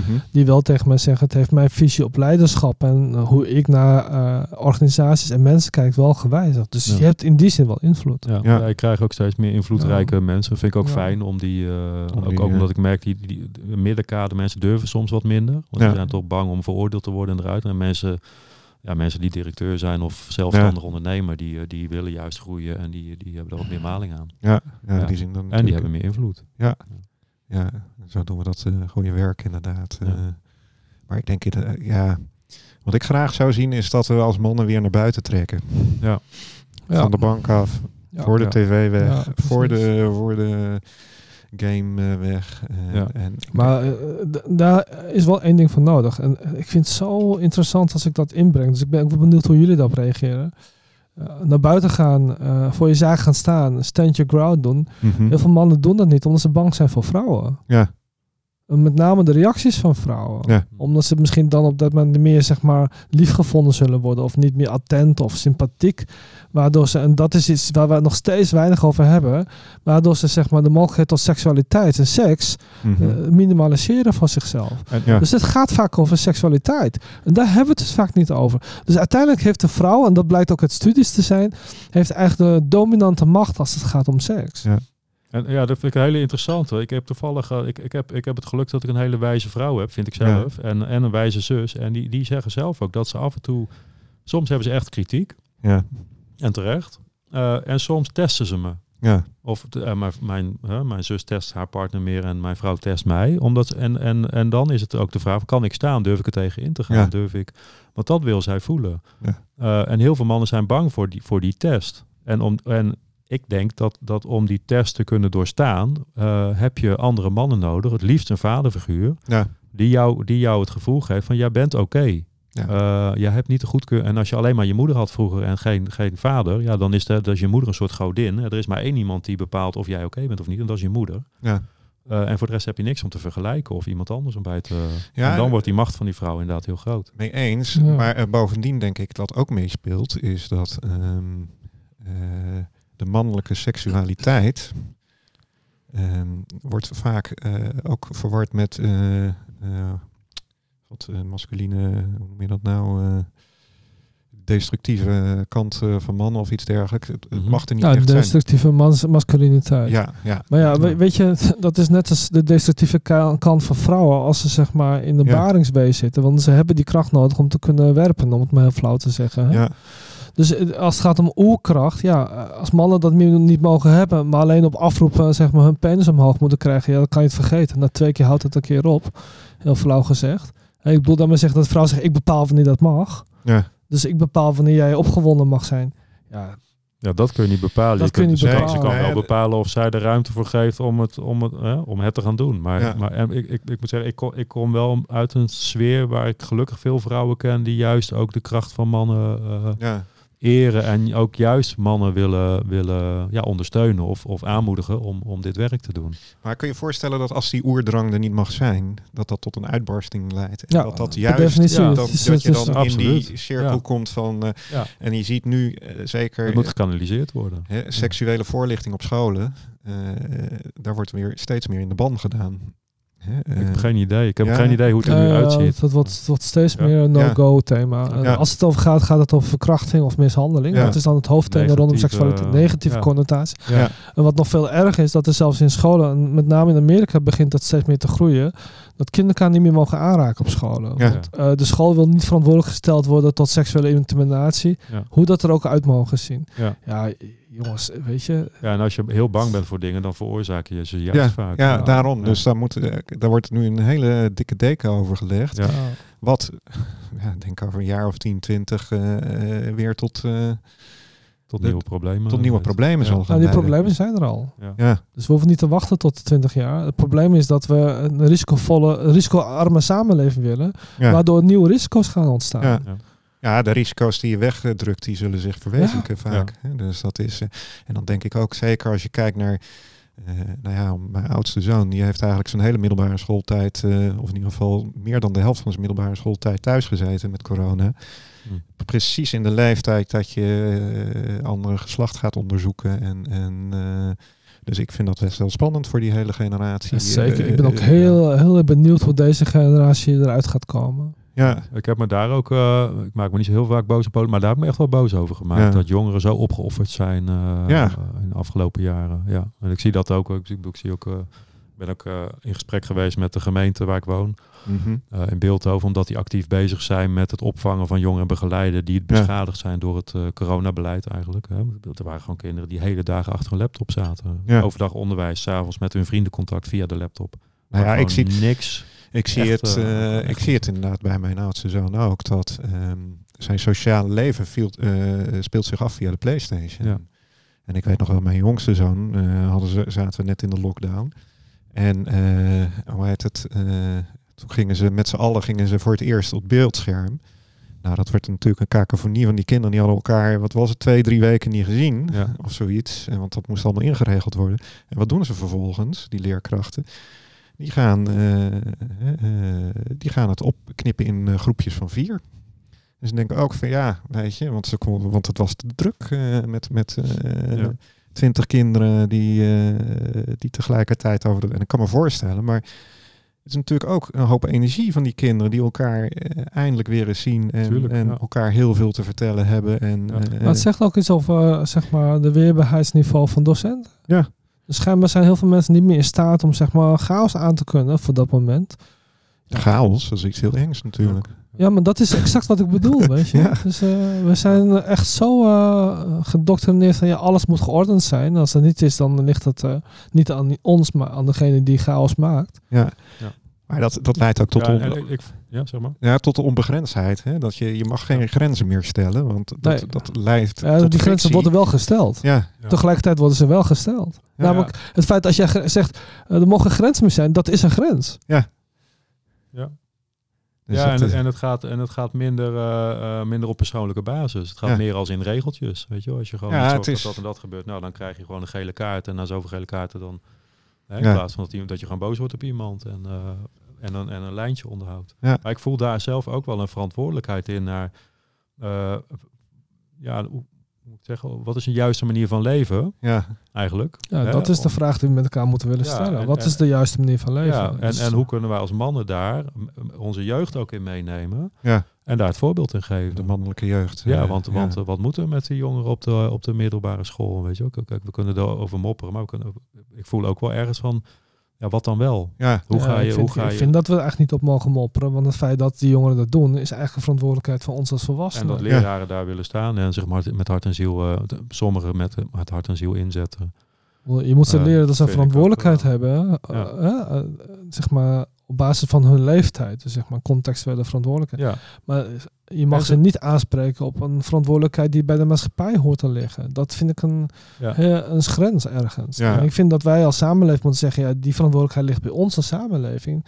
Ja. En niet bij de individuele jeugd of eh, de jongeren in dat geval. ja, Nou, zo vond ik ook bijvoorbeeld, eh, met, toen ik in de jeugdzorg werkte, vond ik het een, een eh, het is een verantwoordelijkheid voor jongeren dat ze zich enigszins leren gedragen. Maar Ja, ik vond dat aan de andere kant ook een verantwoordelijkheid van mij, als ik met acht jongens eh, op een groep zit, dat er, dat er als ze uit school komen, eh, en ze krijgen daarna sociale vaardigheidstraining en noem maar op, dat ze ergens de ruimte krijgen om even te rousen. Ja, En een paar blauwe plekken oplopen en, en even eh, lekker, weet je wel. ja. Ja, Ja. Dat, dat, vind ik, dat vond ik wel mijn verantwoordelijkheid en ook van de organisatie. Ja. En de reden dat ik eruit ben gegaan is omdat ik, omdat ik daar niet, me niet in gesteund voelde. Dit dit doet me denken aan eh, mijn jongste zoon. eh, die zat dan op de BSO met zijn vriendje. En dan, eh, eh, en daar zit een, eigenlijk een volledig vrouwelijke leiding was dat. Dus later wel een, eh, er wa- kwam er een man bij.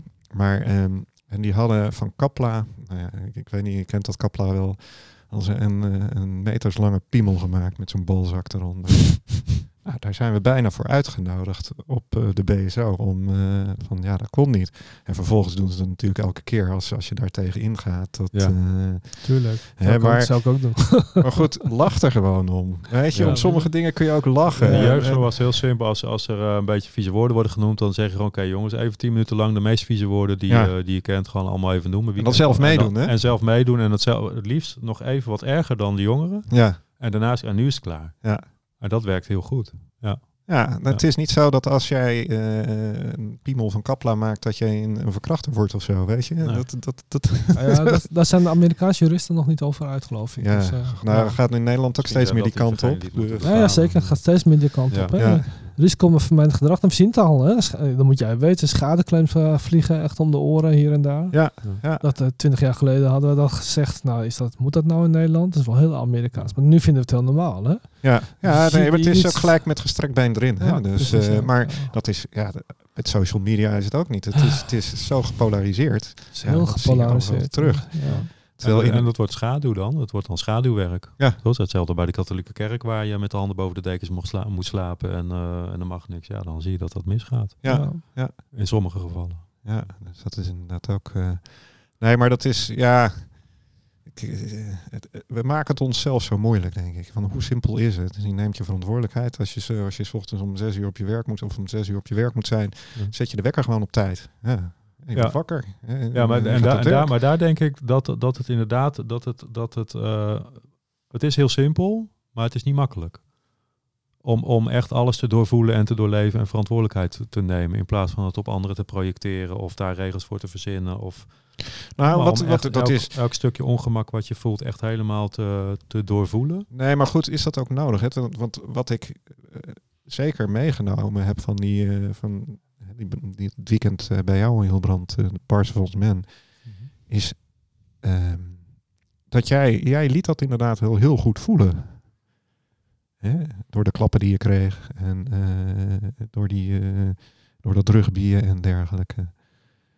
En ehm, ja, je zou, je zou inderdaad, eh, eh, wat dat betreft, hebben de juristen misschien ook eh, geen goed gedaan. Hè? Want eh, alles wordt uitgesloten of alles moet.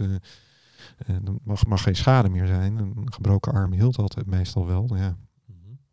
En dat we echt onze jeugd, en dan met name de mannen, weer lekker eh, laten rouwen en buiten laten spelen. Ja, Ja, ik snap ook niet Ook. waarom we dat niet zouden mogen. Ja, Maar de, de- de- zeker in de verstedelijke gebieden ontstaat er zo'n tendens van uh, alles wat risico kan opleveren, gescheurde broeken tot een bloedneus.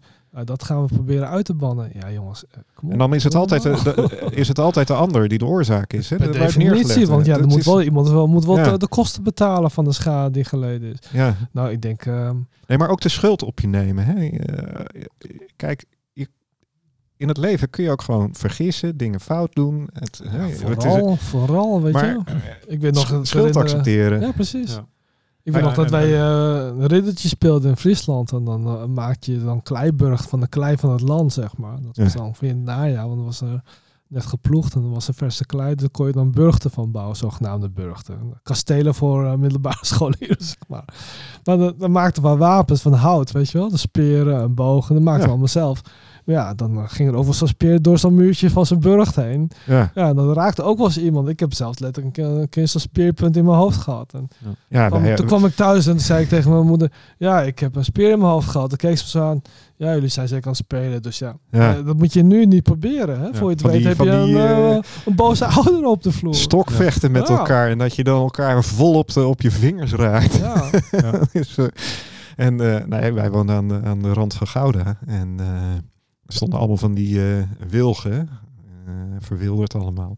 En het leuke daarvan is dat dat, dat is eh, allemaal zo flexibel. Dus dan klom je naar boven en dan boog je die hele boom. om. Nou, dat ging ook wel eens fout. Dan flikkerde je gewoon vijf meter Ja. naar beneden toe door de takken. Ja. Of je ging polstok springen met zo'n wilg. En dan kwam je in het slootje terecht, helemaal vol. En eh, ja, Ja. Dus het gaat eigenlijk ook over angst voor verlies. Hè? Als we het dan toch over een thema moeten hebben, dan gaat het hoe gaan we om met verlies? ja, Het verlies kent geen plek in de Nederlandse samenleving, of heel moeilijk. Dat is iets heel iets ouds. Hè? We hebben bijna geen afscheidsrituelen. nee. Eh, Nee. Dus ja, Geen rouwperiodes. geen en, eh, rouwperiodes. nee. Eh, nou, vroeger had je het wel. Hè? Dus eh, Nederland kent echt wel een hele oude rouwgeschiedenis. Toevallig Ja. ben ik daar ingedoken. ja. Maar sinds de Tweede Wereldoorlog is dat onderwerp volledig van de kaart verdwenen. Ja, is natuurlijk ook heel spannend. En is als je het ook hebt heel over schaamte en schuld, daar weet jij waarschijnlijk meer van, Ja. eh, heel brand. Ik kom veel mensen tegen die, de, eh, ik, werk, ik, ik gebruik ook, zie- ook de opstelling, hè, dat is onderdeel Mhm. van het traject als mensen bij mij komen. En dan zie ik heel veel mensen die schade hebben van de Tweede Wereldoorlog. Ja. Ja. En wat daar gebeurt is het nooit verwerkt. En ja, en als je dan kijkt dat een heel groot deel van de samenleving toch heeft meegewerkt met de Duitsers, of de andere kant op keek, gewoon uit, uit angst voor hun eigen... Ja, het is, het is wel En inderdaad... dat, nou, dat soort dingen.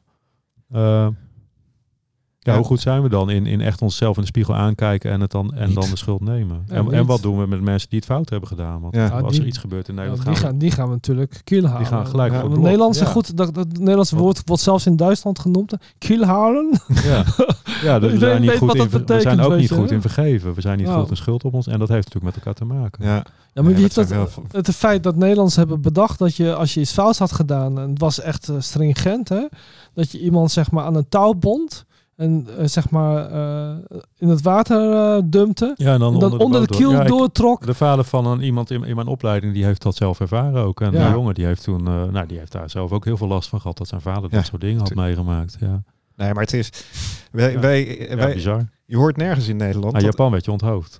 ja, dat is Ah, misschien ja, dat is wel een quick fix. Dat, dat, dat heeft een andere geschiedenis. Ja. Maar goed, in Nederland zijn eh, hè, de meeste Joden afgevoerd. Het makkelijkst gevonden. Want ja, in de burgerlijke stand stond er gewoon achter wel, welke godsdienst dat. En dat soort dingen, dat hoor je ook niet meer terug. Hè? En dan krijg je... Mijn, mijn opa, die, eh, ik heb foto's van mijn opa gezien, die was als 19-jarige jongen, werkte die aan de Duitse grens als douanier. Ja, Eh, ja, ik, ik zag op een gegeven moment foto's van hem dat hij daar stond, hè, eh, 1939. Later zag ik foto's van Joden die naar, de Nederlandse, naar Nederland wilden vluchten. En die werden tegengehouden aan de grens. Ja. En ik, ik heb geen idee wat hij daar heeft gezien en wat hij heeft meegemaakt. Ik weet alleen dat hij daar werkte rondom die Ja. periode. Er werd nooit iets gezegd over de, over de oorlog. Er werd nooit over gepraat. Ik heb één keer gehoord dat mijn opa ergens in een, in een boerderij heeft gezeten. In 1944 geloof ik, zat hij ondergedoken. ja. Die opa. Maar voor de rest werd er nooit over gepraat. En toen ik daarnaar vroeg aan, aan mijn vader, van heb je daar wel eens iets over, heeft opa gezien, eh, of dingen gezien die niet oké waren? Of eh, nou, daar werd mijn vader, ik heb hem, die werd er echt geïrriteerd van. ja. Die werd er echt boos van. En toen merkte ik van, oh, dit, dit, raakt iets, Mhm. wat ik nog nooit bij mijn vader gezien, da- daarvoor en daarna niet. ja. Wat blijkbaar iets, ja, iets is wat niet gezegd mag worden of niet bevraagd mag worden. Terwijl ik Ja. mijn opa niks kwalijk had als 19-jarige jongen. En ja, er gebeuren er zulke heftige dingen. Ja. Ja, kan je het iemand kwalijk nemen dat hij dan eh, Nou ja, niet het is, zegt, hey, jongens, dat mag niet. En dan zelf neergeschoten wordt. Ja. Ik merk inderdaad ook wel van. eh, dat, was dan, dat was dan wel aan mijn moeders kant dat. eh, die hadden mensen verborgen en dat de Duitsers. dat, dat is inderdaad mijn moeder als vierjarig meisje onder schot gehouden wordt. Ja. Ja. Terwijl je ouders daarbij staan, ja, die kunnen natuurlijk ook niks doen.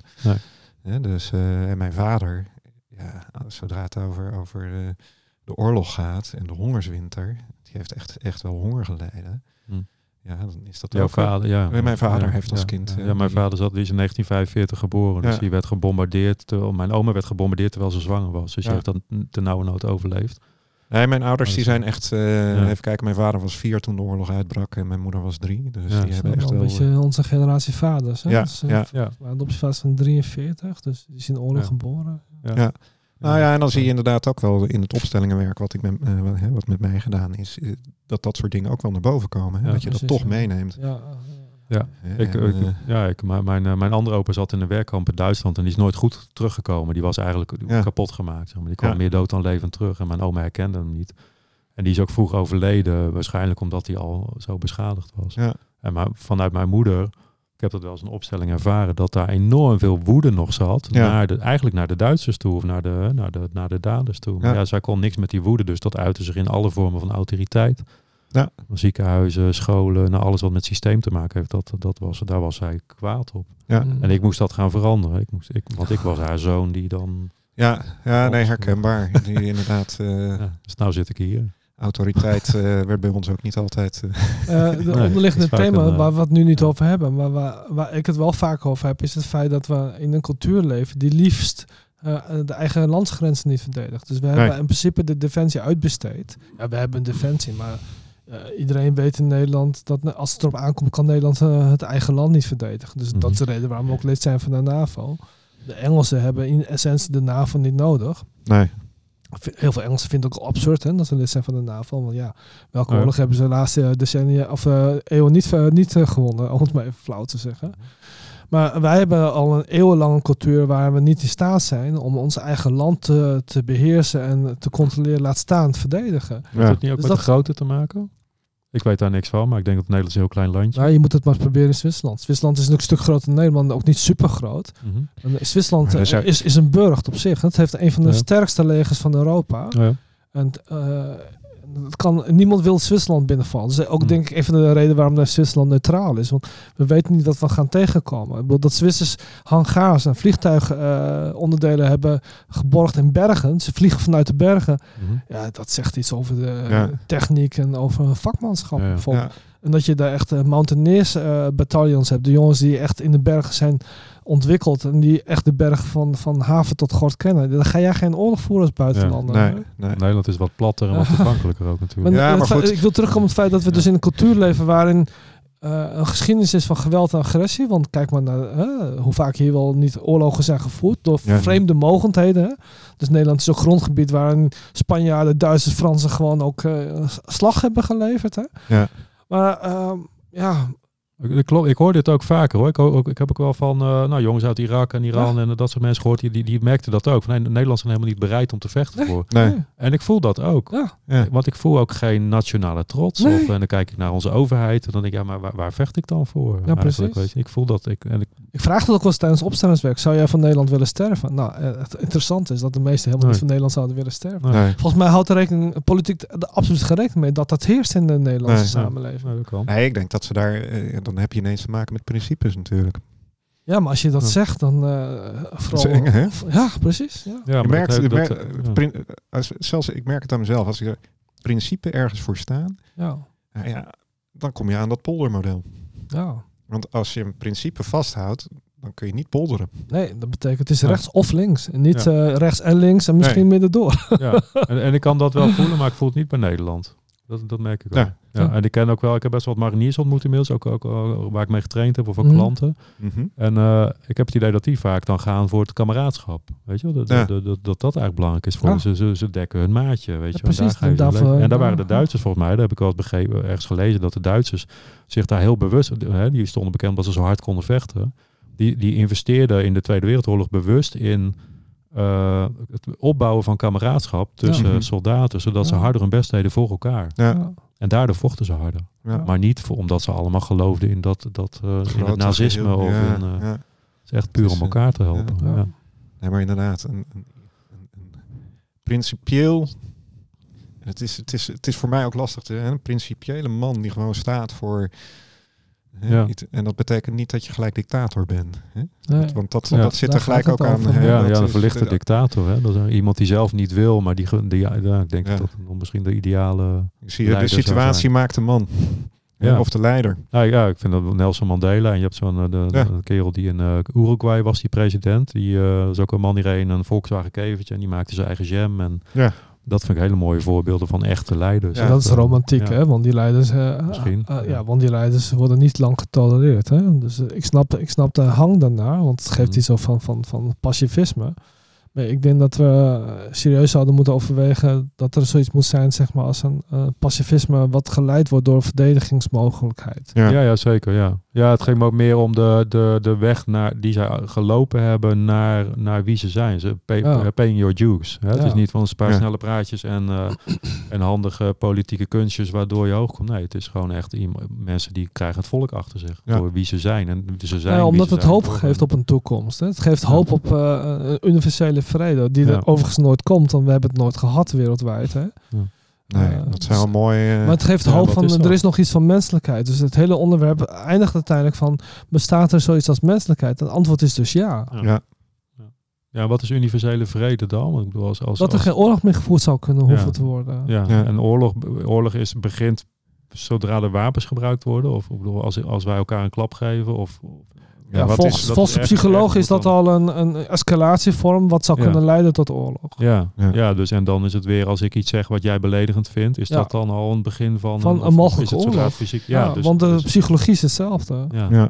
Ja, dus of je dat ooit uitbandt, dat je met elkaar... in- Ja, ik denk het niet, maar Ja. er zijn steeds mensen die echt heilig geloven dat het kan. Maar dat betekent wel dat de mannen van de planeet af moeten. Ja, ja ik, ik dacht... Ja, ja? Ja, dat is de redenatie gehoord. Ja, ja. momenteel. Ja. ja, dat denk Dat ik. alle oorlogen en ellende te, te danken is aan mannen. Ja. Ja, Nou, het heb- geweld, hè, inderdaad. eh. Nou, alle ellende Ik, Ja. heb, ik heb vrouwen voor, van de week nog eh, schreef iemand iets over het feit... Het feit dat er ellende bestaat, komt door de man. Steeds letterlijk geciteerd. ja. Hm. Maar goed, daar zit natuurlijk wel hè, ook een groot trauma op. Als je kijkt, Tuurlijk. die 2000 jaar christendom eh, en de overheersing is natuurlijk ook eh, stukje hand in eigen boezem steken. Het is, maar goed, Ja, we leven nog steeds in een eh, postchristelijke handelingswijze. Want eh, onze wetgeving is grotendeels gebaseerd op Ja. christelijke waarden. Dus hoezo zouden we dat nog steeds niet ervaren? nee, daarom. Het is, kijk, Mhm. het is een trauma wat steeds terugkomt. Ja. Hè? Trauma's die, die, die eh, ja, eigenlijk een wetmatigheid, die zullen zich blijven herhalen tot het moment dat er, hè, dat er naar gekeken kan worden. Ja. Is misschien een mooie afsluiter. We zijn al een tijdje bezig. Ja, ik heb geen idee eigenlijk hoe lang we Ja, we zijn nu eh, één uur en een kwartier ongeveer aan, Ja. de, aan, de, aan de loop. Of willen jullie, hebben jullie nog iets te zeggen verder? Nou ja, wat ik, wat, want dat, eh, bij de test hebben we het wel besproken, maar nu in dit programma niet. Waar ik wel op wil wijzen, is het verhaal van het feit dat als mannen niet in een gezinssysteem een plek krijgen, is dat Ja. het grote gevolgen heeft van niet voor de huidige generatie alleen, maar ook voor de generatie daarna. Dat is één. Twee is wat heel duidelijk geworden is dat eh, als, als mannen verdwijnen uit een gezinssysteem, is dat dat zeg maar grote consequenties heeft voor jongens in zo'n Ja. systeem. Dus het verworden tot man. En het derde is, wat ik heel erg intrigerend vind, is eh, wat Guy de Corneau, dus de voormalig Canadese psychiater ook beschreven in zijn Nederlandse vertaling van zijn boek eh, Afwezig vaart verloren zonen, Mhm. is het feit dat heel veel criminaliteit en zeg maar de uitwijzen binnen het mannelijk domein vaak voorkomt uit afwezige vaders of dat de vaders überhaupt niet zijn in een gezinssysteem. En eh, als we dat serieus zouden nemen, dan zouden we misschien ook meer een her moeten overwegen over het belang van mannen en vaders in een systeem. Ja. En, en wat mij betreft is daar veel te weinig aandacht voor. Dus ik, ik zet daar echt daarom ook passievol erin.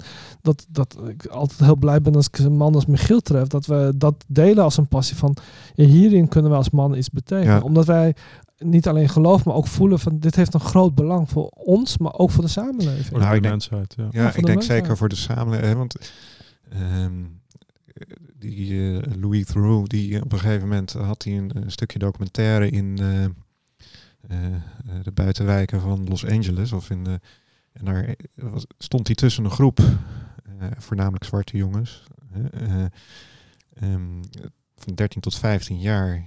En eh, eigenlijk wat zij allemaal misten was een vader. En de vader, hun, hun biologische vader, nou, ik geloof bij 99% zat hij in de gevangenis. Dus Ja. wat voor voorbeeld heb je dan? Ja. In voorland, je weet eigenlijk al van ja, ik, ik ga daar ook heen. Ja, of, nou het- niet dat ze dat willen, maar ze, Nee. ze zien bijna geen perspectief. Hè? Ja, Dus het ontbreken van een toekomstperspectief in een andere richting gaat dan wat ze van hun familie ver- eh, bekend hebben. Dat is iets wat we eigenlijk jonge mannen moeten willen aanbieden. Want eerlijk gezegd, er zijn heel veel vrouwenprogramma's, ook in Nederland. Hè? Ja. Dus er wordt heel veel tijd, geld en eh, begeleiding geïnvesteerd in het ontwikkelen van het domein van sterke vrouwen in Nederland. ja, Maar als je kijkt naar het aantal activiteiten en geld en investering in de mannelijke kant, dat is niet te vergelijken. En dat is wat we geschiedkundig overal zien. Dat is, ook waar Guy Corneau naar verwijst. En dat, Ja. dat de samenleving eigenlijk niet eh, van wil is om te investeren in kwalitatieve mannen. Eh, Ja. Dat, is, dat is iets waar we serieus over moeten nadenken waarom we dat niet willen. ja, En volgens mij gebeurt het ook wel, maar dan gebeurt het meer op, op, op eh, de, de schade beperken die mannen kunnen toedoen. Ja. Hè, Dus met gedragstrainingen en, en informatie. En, eh, dat, ik bedoel, dat is ook belangrijk, maar, maar er is weinig van hoe, hoe word je een goede man. Ja. En eigenlijk dat. Als je dan kijkt, eh, die, dat noemde ik net ook al, hè, eh, Rolf, Rolf Nelissen, die had een Mhm. Mhm. post gedaan met mannenwerk in, in de gevangenis. En in Folsom hebben ze dan, elke maand hebben ze daar een, een Ja. Bijeenkomst. The En- ja, de work. Ja, ja. en dan inderdaad, ja, een hele mooie documentaire. En daar zie je in dat twee keer per jaar mogen dan ook mannen van buiten mee. eh, en Ja. zowel binnen als buiten hebben de mannen dezelfde problematiek. Ja. En het is de afwezigheid van de vader en het voorbeeld. Had Ja. ik maar geleerd om mij in te houden. En dan Of vertellen had ze- geleerd om mijn krachten te gebruiken Ja. op de juiste wijze. Ja, nou, Nou, daarom daarom, niet alleen hè, had- inhouden. ja, Ja, ja. maar Dat, dat vond ik had ook ik- interessant toen ik karate ging doen en ik las Stephen Covey. Dacht ik, ik kon het zo over elkaar heen leggen. Het gaat over weten Ja. wat je Ja. wil, proactief zijn, je kracht doelgericht inzetten. En Ja. het barst gewoon van die jongens die dat perspectief niet hebben. En, Nee. en ook niet, ik bedoel, wie leert er nou ondernemen? Ja, maar die groep is in Dat Nederland ook niet. groeiend. Hè? Die, eh, denk ik, de, die jongens zonder, die zonder vader op, eh, opgroeien. En toen En, eh, 60, 50 procent scheidingen. En eh, Ja. vele daarvan komen hun vaders nauwelijks of niet meer tegen. Ja, Met alle gevolgen ja van dat is verschrikkelijk. ja. Ja. Dus, nou, we hebben nog Ja. heel veel werk eh, Ja. wat dat bet- te doen als Ik, ik maatschappij. zou, zou ik nog één ding... Jij vroeg Ja, net van nee, wat, moet er nog gezegd worden? En, en eh, Hilbrand die kan, eh, kan sneller denken en sneller praten dan ik. Dat eh, het gelijk zo'n rijtje klaar. Dus, maar ik zat te denken, eh, wat, wat ik echt belangrijk vind, is dat, dat ehm, mannen krachtig gaan staan, maar ook het vrouwelijke eren. En dan bedoel Ja. ik niet de- dat, en, en, en eh, de vrouwelijke wijsheid. En in sommige vrouwen komt die ook naar, die belichamen dat heel goed. En dat Ja. zijn hele belangrijke, eh, belangrijke gidsen en partners.